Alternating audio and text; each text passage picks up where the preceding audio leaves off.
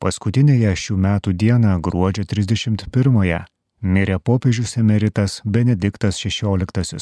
Jam atminti girdėsite mintis iš jo išminties lobyno. Josef Ratzinger, Benediktas XVI. Liturgijos dvasia. Paveikslų klausimas. Pirmajame dekologo įsakyme, pabrėžiančiame vienintelio garbintino Dievo vienatinumą, nurodoma, nedirbsi savo drožinio nei jokio paveikslo, panašaus į tai, kas yra aukštai danguje ir kas yra čia žemėje ir kas yra vandenyse po žeme. Tačiau pačiame Senajame testamente yra įsidėmėtina šio draudimo vaizduoti išimtis, susijusi su šio testamento švenčiausiai vieta, auksiniu sandoros skrynios dangčiu, laikytų permaldavimo vieta Ten aš susitiksiu su tavimi, tarė Dievas Mozei. Išėjimo knyga 25 skyrius 22 eilutė. Pasakysiu tau viską, ką noriu įsakyti per tave izraeliečiams. Mozei liepiama taip apipavydalinti viršų. Nukalsi iš aukso du kerubus. Padirbsi juos iš plakto aukso prie abiejų malonės osto galų. Kerubai turės išskleistus sparnus. Jie bus vienas prieš kitą ir jų veidai bus atgriežti į malonės ostą paslaptingas esybės, dengiančias ir serginčias Dievo apsireiškimo vietą, vaizduoti leidžiama kaip tik tam, kad būtų pridengta paties Dievo artumo slėpinio vieta. Kaip jau girdėjome, Paulius gyva ir tikra permaldavimo vieta laikė patį nukryžiuotą į Kristų, į kurį tik ir galėjo iš anksto kreipti nuo tremties pražuvęs kapoet dangtis. Jame Dievas dabar, taip sakant, atskleidė savo veidą. Rytų bažnyčių Kristaus prisikėlimo ikona kaip tik ir remiasi šiuo vidiniu sandoros skrynios ir Kristaus paskos ryšiu, vaizduodama Kristų, stovinti ant sukryžiuoto dangčio, taip pat reiškiančio kapą, glūdinti nuorodoje į senosios sandoros kapoet. Kristų iš šonų supa kerubai, jo link artinasi moterys atėjusios prie kapo jo patepti. Senojo testamento pagrindinis paveikslas išlieka tačiau remiantis prisikėlimu yra naujai pertvarkytas ir įgyjas naują centrą - Dievą, kuris dabar nebe visiškai pasislėpia, bet pasirodo sunaus pavydalu. Tokiu pasakojimu apie sandoros skrynę pertvarkymų į prisikėlimo paveikslą, tiesą sakant, jau išsakoma pereimo iš senosios sandoros į naują esmę. Tačiau, kad tinkamai suprastume visumą, turime išsameu pasiekti didžiosiomis raidos linijomis. Draudimas vaizduoti nuo trečiojo ar ketvirtojo amžiaus islame ir judaizme aiškintas taip radikaliai, kad šventovę puošti galima buvo tik nefigūriniais geometriniais ornamentais. Bet Jėzus laikais ir iki trečiojo amžiaus judaizmas paveikslų klausimą aiškino daug liberaliau. Paradoksalu, kad išganimo paveikslai irgi sieja sinagogą ir bažnyčią. Lygiai taip, kaip tą ryšį jau esame pastebėję apmastydami liturginę erdvę Archeologiniai tyrimai parodė, kad senosios sinagogos buvo gausiai išpuoštos biblinėmis scenomis, jos laikytos ne vien praėjusių įvykių paveikslais, savotiška vaizdinė istorijos pamoka, bet pasakojimu, kuris primindama sudabartina. Liturginėse šventėse ankstesni Dievo darbai yra dabartis. Šventės - tai dalyvavimas Dievo veikime laiko plotmėje, o paveikslai - kaip pavydalai įgyjusi atmintis patys įtraukti į liturginį sudabartinimą. Krikščioniškiai paveikslai aptinkami katakombose rodo, kad sinagogos sukurtas vaizdavimo kanonas tęsiamas, tačiau naujų dabarties būdu. Pavieniai įvykiai dabar priskiriami krikščioniškiesiems sakramentams ir pačiam Kristui. Nojaus arka ir Raudonosios jūros perėjimas kreipia į krikštą. Izaoko aukojimas ir trijų angelų valgymas su Abraomu kalba apie Kristaus auką ir Euharistiją. Tokie įvykiai kaip jaunuolių išgelbėjimas ugnies krosnyje ir Danielio liūtų dobėje atspindi Kristaus ir mūsų pačių prisikėlimą. Dar labiau negu sinagogoje, paveikslai pasakoja ne apie praeitį, bet istorijos įvykius įkelia į sakramentą. Kartu su praėjusia istorija, Kristus savo sakramentuose keliauja per laikus. Esame įtraukiami į įvykius. Šie savo ruoštų pranoksta praeinantį laiką ir per bažnyčios sakramentinį veikimą yra tarp mūsų. Visa į Kristų sutelkta istorija perteikiama liturgiškai, randantis visiškai naujai laiko patirčiai, kurioje susiliečia praeitis, dabartis ir ateitis, nes tai įkelta į prisikėlusio artumą. Liturginėje dabartyje Tai jau girdėjome ir dabar dar kartą patvirtinama, visada sikių glūdi eschatologinė viltis. Kaip visi šie paveikslai, tam tikra prasme yra prisikėlimo paveikslai. Remiantis prisikėlimu skaitoma istorija, lygiai taip, jie dėl to yra ir vilties paveikslai, perteikiantis mums ateinančio pasaulio, Kristaus galutinio pasirodymo tikrumą. Kad ir kokie meniškumo prasme iš pradžių vargani buvo tie paveikslai, per juos rutuliojosi nepaprastas dvasinis procesas. Tiesa, gilių vidinių ryšių susijęs su sinagoginiais vaizduojamaisiais kūriniais. Turint prieš akis prisikėlimą, istorija apšviečiama naujaip ir suvokiama kaip vilties kelias, į kurį paveikslai mus įtraukia. Šia prasme ankstyvosios bažnyčios vaizduojamieji kūriniai išsiskiria misterijų pobūdžiu, sakramentinė reikšme ir toli pranoksta didaktinį biblinės istorijos papasakojimo elementą. Ne viename iš ankstyvųjų paveikslų nemėginama pateikti ko nors panašaus į Kristaus portretą. Veikiau stengiamasi atskleisti Kristaus reikšmę. Kristus alegoriškai vaizduojamas kaip tikrasis filosofas, perteikiantis mums meną gyventi ir mirti, kaip mokytojas, bet pirmiausia, kaip ganytojas.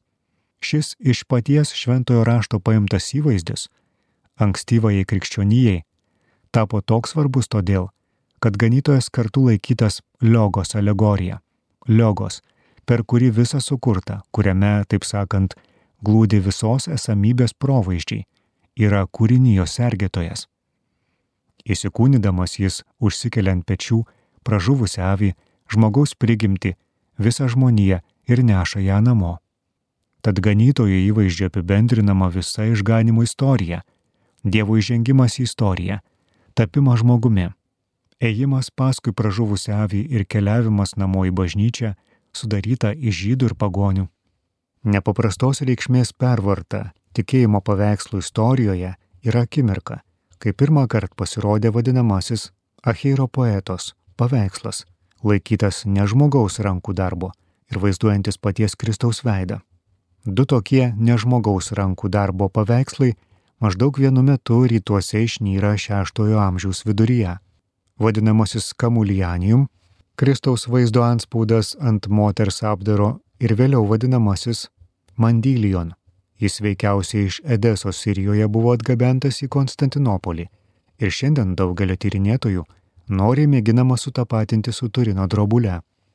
Ir vienu ir kitu atveju, panašiai kaip ir Turino drobulėje, tas vaizdas lėpiningas negalėjęs būti nupieštas žmogaus, bet regis nepaaiškinamų būdų įsispaudęs į audinį ir dėl to žadėjęs parodyti tikrą nukryžiuoto ir prisikėlusio Kristaus veidą. Toks vaizdas turėjo nepaprastai traukti. Mat dabar buvo galima išvysti likščiol paslėptą, tikrąjį viešpatės veidą ir žinoti, kad išsipildė pažadas. Kas yra matęs mane, yra matęs tėvą. Atrodė, tartum atsivėrė žvilgsnis į Dievą žmogų, o per jį į patį Dievą, kad išsipildė graikų troškimas regėti amžinai. Tad ikona turėjo tiesiog prilygti sakramentui, jį galino bendrystę, nemenkesnė negu Euharistija, net įtikėta savotišku, pavaizduotojo realių buvimų paveiksle ir tuo, kad paveikslas pilnatviška prasme, lygiai kaip šis nežmogaus rankų darbo, apriepia pačios tikrovės dalį, spinduliuoja ir glaudžia tą, kuris per paveikslą dovanojasi. Nestebėtina, kad į Achiro poetos nusižiūrėti paveikslai tapo viso ilgainiui išsiplėtojusio ir išsiskleidusio vaizduojamojo kanono centras. Bet kartu akivaizdu, kad čia tykojo ir pavojus - paveikslo rodos, nuvedančio už sakramento bei jo slaptingumo ribų į netarpišką dieviško artumo regėjimą klaidingą sakramentalizaciją. Be to, aišku, kad tokia naujybė turėjo žiepti karštus pasipriešinius sąjūdžius, radikalų paveikslo atmetimą, mūsų vadinamą ikonoklazmu, sukilimu prieš paveikslus, paveikslų daužimu. Ikonoklazmo aistrą kurstė tikrai religiniai motyvai. Nepaneigiama paveikslų garbinimo grėsmė, bet kita vertus ir politiniai sumetimai. Bizantijos imperatoriams buvo svarbu be reikalo nepiktinti musulmonų ir žydų. Paveikslų slopinimas galėjo prisidėti prie imperijos vienybės ir geresnių santykių su kaimynais musulmonais. Teikta, kad Kristaus vaizduoti nevalia. Jo žymė, taip sakant, galėjo būti tik nevaizdiško kryžiaus ženklas. Iškilo alternatyva - kryžius arba paveikslas. Tokiuose grumtynėse subrendo tikroji ikonos teologija, kurios žinia mums vakaruose išgyvenančiose paveikslo krizę itin svarbi. Kristaus ikona, dabar tai buvo suprasta su visais iš to išplaukiančiais padariniais, yra prisikėlusiojo ikona. Jokio prisikėlusiojo portreto nėra, mokiniai iš pat pradžių. Net ne visada atpažįsta. Jie turi būti vedami prie naujo regėjimo, kol pamažu jiems iš vidaus atsivers akis, kad galėtų Kristų iš naujo atpažinti ir sušukti. Tai viešpats. Būdingiausia tikriausiai yra istorija apie mokinius iš Emauso. Jų širdis pirma turėjo būti perkeistos, kad išoriniuose rašto įvykiuose išvelgtų vidinį brandulį, iš kurio visa kyla ir kurio link veržiasi - Jėzaus Kristaus kryžių ir prisikėlimą. Paskui paslaptingą palidovą jie pirmą turėjo sulaikyti, pasiūlyti viešnagę. Ir štai tada, laužant duoną, jiems nutinka priešinga, negu Adomui ir Jėvai valgant pažinimo medžio vaisių, akis atsiveria. Dabar jie regi ne vien išorę, bet mato tai, kas jūslėms nepasirodo, tačiau per jūslės prasišviečia. Tai viešpats, naujai gyvasis. Ikonoje svarbus kaip tik neveido bruožai, nors iš esmės laikomosi Achiro poetos pavydalo. Čia svarbus naujas regėjimas. Ji pati turi kilti iš vidinės jūslės atsiverimo iš tapsmo reginčiojų, kai prasiskverbiama pro to, kas empiriška paviršių, ir Kristus išvystamas, anot vėlesnės ikonų teologijos, taboro šviesoje. Ikona žiūrovą savo ruoštų kviečia vidinę regą, įgyjusią pavydalą ikonoje, jūs lybėjai žiūrėti daugiau negu tai, kas jūs liška, kas įsispaudė jūslės. Ikona nuot Evdokimovo gražaus pasakymo suponuoja regėjimo pasninką Ikonografai tikina jis turi išmokti pasninkauti akimis ir pasiruošti žengdami ilgų maldingos askezijos keliu, ženklinančių perėjimą iš meno į sakralinį meną. Ikona kyla iš maldos ir veda į maldą. Ji išlaisvina iš jūslių, suvokiančių tik išorybę ir nepastebinčių tikrovėje prasišviečiančios dvasios, prasišviečiančio liogos uždarumo. Iš esmės tai tiesiog tikėjimo žingsnis, iškeliantis prieš akis visą, naujųjų laikų pažinimo problemą. Jei žmogus viduje neatsiveria ir nemato, daugiau negu tai, kas išmatuojama ir pasveriama, nepagauna dieviškumo spindesio kūrinyje, tai tada Dievas lieka už mūsų regos lauko ribų. Deramai suprantama ikona nutolina nuo klaidingo klausimo dėl jūsliškai suvokiamo portreto. Ir kaip tik tai leidžia mums išvysti Kristaus veidą, o jame tėvo Tad ikonoje veikia ta pati dvasinė kryptis, kurią pažinome pabrėždami liturgiją ir rytų kryptį. Jie norima mus įtraukti į vidinį kelią, į kelią vedantį į rytus, grįžtančio Kristaus link. Jos kristologija trejybinė, mus reginčius padaro būtent šventoji dvasia, kurios veikimas visada išjudina - sukti Kristaus link. Apsvaigę nuo dvasios gerime Kristų, sako šventasis Atanazas Kiekvienas žvelgimas, kuris moko mus regėti Kristų ne kūno, bet dvasios požiūriu, sikiu dovanoja žvilgsnį į patį tėvą. Tik suvokus šią vidinę ikonos kryptį, įmanoma tinkamai suprasti, kodėl Nikėjos antrasis susirinkimas ir visi kiti su ikonomis susiję sinodai ikonoje išvelgia įsikūnymo išpažinimą, o ikonoklazmą laiko įsikūnymo neigimu, visų erezijų viršūnę. Įsikūnymas pirmiausia reiškia tai, kad Dievas neregimasis įžengia į to, kas regima erdvę, įdant mes susiję su materija galėtume jį pažinti. Šiuo požiūriu Dievas visada jau įsikūnijęs istorinėme išganomajame veikime ir istorinėme kalbėjime. Bet šitas Dievo nužengimas skirtas įtraukti mus į kopimo aukštin procesą. Įsikūnijimų siekiama perkeitimo per kryžių ir naujo kūniškumo per prisikėlimą. Dievas ieško mūsų ten, kur esame, tačiau ne tam, kad ten liktume, bet kad eitume ten link, kur yra Jis pats, kad įžengtume iš savęs.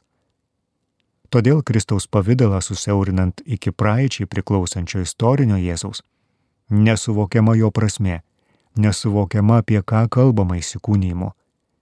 Jūslių neatsisakoma, jos išplečiamos iki savo didžiausios galimos ribos. Kristų regime tik tada, kai kartu su Tomu ištarėme - mano viešpats ir mano Dievas. Anksčiau konstatavę ikonos trejybinę platybę, dabar turėtume pasverti jos ontologinę apimtį. Dievo, sūnų, Dievo sūnus į žmogų įsikūnyti galėjo tik todėl, kad žmogus iš anksto buvo apmestas žvelgiant į jį, kaip paveikslas to, kuris savo ruoštų yra Dievo paveikslas. Evdokimovas vėlgi taikliai pastebi, kad ikonoje susiliečia pirmosios dienos ir aštuntosios dienos šviesa. Pačioje kūrinyje jau yra ta šviesa, kuri aštuntąją dieną visur iškumu suspindės viešpatės prisikėlimu ir naujajame pasaulyje leis išvysti mums Dievo spindesi. Įsikūnymas reikiamai suprantamas tik tada, kai regimas plačiame sukūrimo istorijos ir naujo pasaulio horizonte. Kaip tik tada pasidaro akivaizdu, kad jūslės neatskiriamos nuo tikėjimo. Naujas regėjimas jų nepanaikina, bet sugražina joms pradinę paskirtį.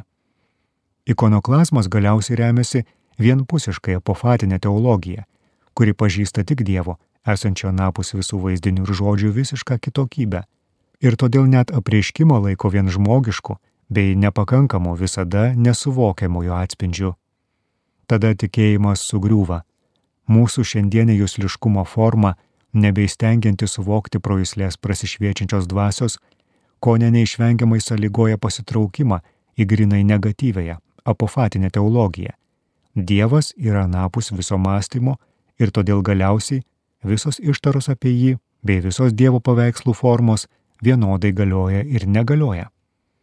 Toks tariamai didžiausias nusižeminimas Dievo atžvilgių savaime virsta puikybė, nepaliekančia Dievui ne vieno žodžio ir neleidžiančia jam realiai žengti istoriją.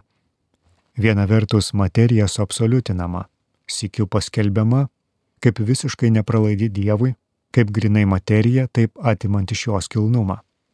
Tačiau pasak Evdokimovo yra ir apofatinis taip, ne vien bet kurį panašumą neigiantis apofatinis ne, Drauge su Grigaliumi Palamiečiu jis pabrėžia, kad Dievas savo esme radikaliai transcendentinis, bet egzistencijos matmenių troško ir galėjo pavaizduoti save kaip gyvąjį.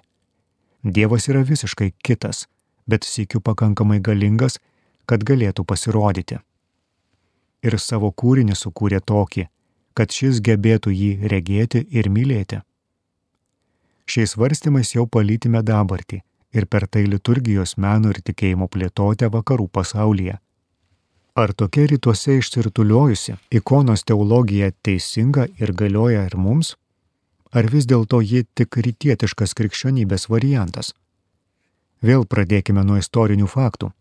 Ankstyvosios krikščionybės mene ir iki romanikos meno pabaigos, vadinasi, iki XII amžiaus lenkščio, paveikslo klausimų esminio skirtumo tarp rytų ir vakarų nėra. Tačiau vakarai, prisiminkime Augustiną ir Grigalių didįjį, gana išskirtinai pabrėždavo didaktinę pedagoginę paveikslo paskirtį. Vadinamieji Libri Karolinė ir Frankfurto bei Paryžiaus sinodai kritikuoja klaidingai suprastą septintąjį visuotinį, tai yra Nikėjos antrojo susirinkimą, kanonizavusi ikonoklazmo įveiką ir ikonos pagrindimą įsikūnymo aspektu. Jie priešingai akcentuoja vien pamokomoje ir auklėjimą paveikslo paskirtį Kristus atpirko mus ne tapyba, teigia jie. Tačiau vaizduojamojo meno tematika ir pagrindinė kryptis liko ta pati, nors dabar romanikoje išnyra skulptūros menas, nesulaukęs atgarso rytuose. Bendruomenė kaip į tikruosius rytus irgi visada žvelgia į prisikėlusi, taip pat ant kryžiaus Kristų. Ir menas visada paženklintas sukūrimo, kristologijos ir eschatologijos vienybės, nuo pirmosios dienos pakeliu į aštuntąją įmančią pirmąją. Menas lieka įrikiuotas į slėpinį, tampantį liturgijoje dabartime ir orientuotas į dangiškąją liturgiją. Romanikos meno angelų pavydalai esmiškai nesiskiria nuo būdingų Bizantijos tapybai ir kaip tik rodo, kad avinėlį aukštiname drauge su kerubais ir serafais, su visomis dangiškomis galybėmis, liturgijoje dangų ir žemę skirianti uždanga perplišta ir mes esame įkeliami į visą kosmosą priepiančią liturgiją. Vis dėlto taip išsirutuliojusio skirtingumo pervertinti nederėtų. Ant kryžiaus skausmingai mirštančio Kristaus vaizdavimas yra žinoma naujas dalykas, bet čia juk vaizduojamas tas, kuris nešė mūsų skausmus ir per kurio žaizdas mes esame išganyti. Didžiausias skausmas vis dėlto yra atperkanti Dievo meilė. Paveikslai guodžia, nes parodo, kad mūsų kančios įveikiamos solidariu žmogumi tapusio Dievo kentėjimu ir todėl apima prisikėlimo žinia. Šie paveikslai irgi kyla iš maldos, iš Kristaus kelio vidinio apmąstymo, jais tapatinamasi su Kristumi, o tai vėlgi remiasi tuo, kad jame Dievas susitapatino su mumis. Jie iškelia aikštėn slėpinio realizmą, bet iš to slėpinio neiškrenta Ir argi jie neįgalina iš naujo įtaigiai suvokti šventųjų mišių kaip kryžiaus dabarties? Slėpinys išplėtojamas iki kraštutinio konkretumo ir liaudiškasis pamaldumas kaip tik tada gali naujai atvesti prie liturgijos brandulio. Šiuose paveiksluose nevaizduojamas vien epidermis, išorinis jūslinis pasaulis. Jais irgi trokštama perskrosti tai, kas vien reiškiasi, ir leisti mums pažvelgti į Dievo širdį. Tai, kas čia pasakyta apie kryžiaus vaizdavimą, galioja ir visam likusiam naratyviajam gotikos menui. Kokia vidinė jėga sklinda iš Dievo motinos paveikslų. Juose aikštin iškyla naujas - tikėjimo žmogiškumas. Tokie paveikslai kviečia melstis, nes yra persmelkti maldos iš vidaus. Jie mums parodo tikrą žmogų, tokį, kokį sumanė kuriejas ir atnaujino Kristus. Jie veda į teisingą žmogiškąją būtį Ir galiausiai neužmirškime nuostabių gotikinių vitražų. Gotikinių katedrų langai sulaiko iš išorės plūstančią ryškę šviesą, fokusuoja ją ir taip išryškina visą Dievo santykio su žmogumi istoriją, nuo sukūrimo iki Kristaus sugrįžimo. Pati siena, saveikaudama su Saulė, tampa paveikslu, vakarų ikonostaze, teikiančia erdvėj sakralumo, iki širdies gelmių sujaudinančio net agnostiką. Šiandien išgyvename ne tik sakralinio meno, bet ir likščiol neregėto masto meno apskritai krizę. Meno krizė vėlgi yra žmogiškosios būties krizės simptomas. Žmogaus, kuris kaip tik tada, kai labiausiai užvaldė materialų į pasaulį, apako orientaciniams klausimams, pranokstantiems tai, kas materialu, apako taip, jog tai galima tiesiog pavadinti dvasios apakimu. Kaip turėtume gyventi, doroti su mirtimi, ar mūsų egzistencija turi tikslą ir kokį. Į visus šios klausimus nebėra bendrų atsakymų. Pozitivizmas, suformuoluotas mokslinio griežtumo vardu, susiaurina horizontą lygi to, ką galima patvirtinti, įrodyti eksperimentu, jis pasaulį padaro neskaidrų. Matematika tiesa pasilaiko, tačiau liogos, tos matematikos ir jos pritaikomumo prielaida nebepasirodo. Tad mūsų vaizdų pasaulis neperžengia jūslinių reiškinių, o mūsų supantis vaizdų srautas sikių reiškia paveikslo pabaigą. Toliau to, ką galima nufotografuoti, nebematoma. Bet tada neįmanomas tampa ne tik ikonos menas, sakralinis menas, besirimintis gilesnių matymų, pats menas pirma ribinės jūslinio regėjimo galimybės išbandęs impresionizme ir ekspresionizme, tampa beobjektis, tikrąją šio žodžio prasme. Menas virsta eksperimentavimu savo paties sukurtais pasauliais, tuščiu kūrybiškumu, nebesuvokiančiu kreator spiritus, dvasios kūrėjos. Jis mėgina atlikti savo vaidmenį, bet įstengia gaminti tik tai, kas savavališka ir tuščia, parodyti žmogui jo kūrybos absurdiškumą. Dar kartą, kas toliau? Pamėginkime, apibendrindami tai, kas likščiol pasakyta, suvokti pagrindinius į liturgiją orientuoto meno principus. Pirma, visiškas bevaizdiškumas nesuderinamas su tikėjimu Dievo įsikūnymu. Dievas veikdamas istorijoje įžengia į mūsų jūslinį pasaulį, kad pastarasis taptų peregimas jo kryptimi. Grožio kupini paveikslai, kuriuose tampa regimas neregimoje Dievo slėpinys, yra krikščioniškojo kulto dalis. Žinoma, visada bus geresnių ir prastesnių laikotarpių, pakilimų ir nuosmukių, taip pat laikotarpių išsiskiriančių tam tikrų paveikslų stygiumi. tačiau jų niekada neturi visiškai trūkti. Ikonoklazmas nėra krikščioniška alternatyva. Antra, sakralinis menas savo turinį suranda išganimo istorijoje nuo sukūrimo bei pirmosios dienos iki aštuntosios, prisikėlimo ir Kristaus sugrįžimo dienos, kai istorijos linija nubrėžiamai lygi galo. Biblinė istorija jam yra sava, bet kartu tokia yra ir šventųjų istorija, kaip Jėzaus Kristaus istorijos išplėtojimas, kaip apmirusio kviečio grūdo duodamas vaisius visoje istorijoje. Kovoji ne vien su ikonomis, kovoji su šventaisiais, pareiškė Jonas Damaskietis prieš paveikslus nusistačiusiam imperatoriui Leonui III. Skatinamas tokio paties požiūrio, popiežius Grigalius III anuomet Romoje įvedė visų šventųjų šventę. Trečia, paveikslai vaizduojantis Dievo santykio su žmogumi istoriją rodo ne tik praėjusių įvykių seką, bet ir tuose įvykiuose atsispindinti Dievo veikimo vidinį vieningumą. Taip jie kreipia į sakramentą, pirmiausia Krikšto ir Eucharistijos, o kreipdami į sakramentą, sakramente turi vidinę atramą ir todėl sėkiu kreipia į dabartį ir yra artimai susiję su liturginiu veiksmu.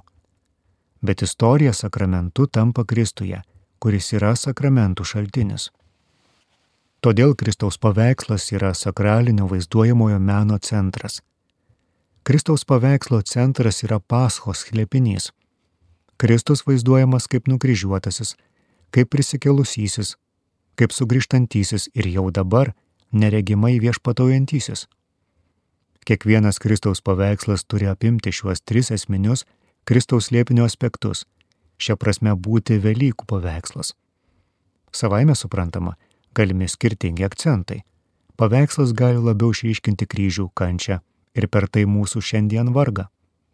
Gali į pirmą planą labiau iškelti prisikelimą ar sugrįžimą, tik niekada nevalia izoliuoti kurio nors vieno aspekto.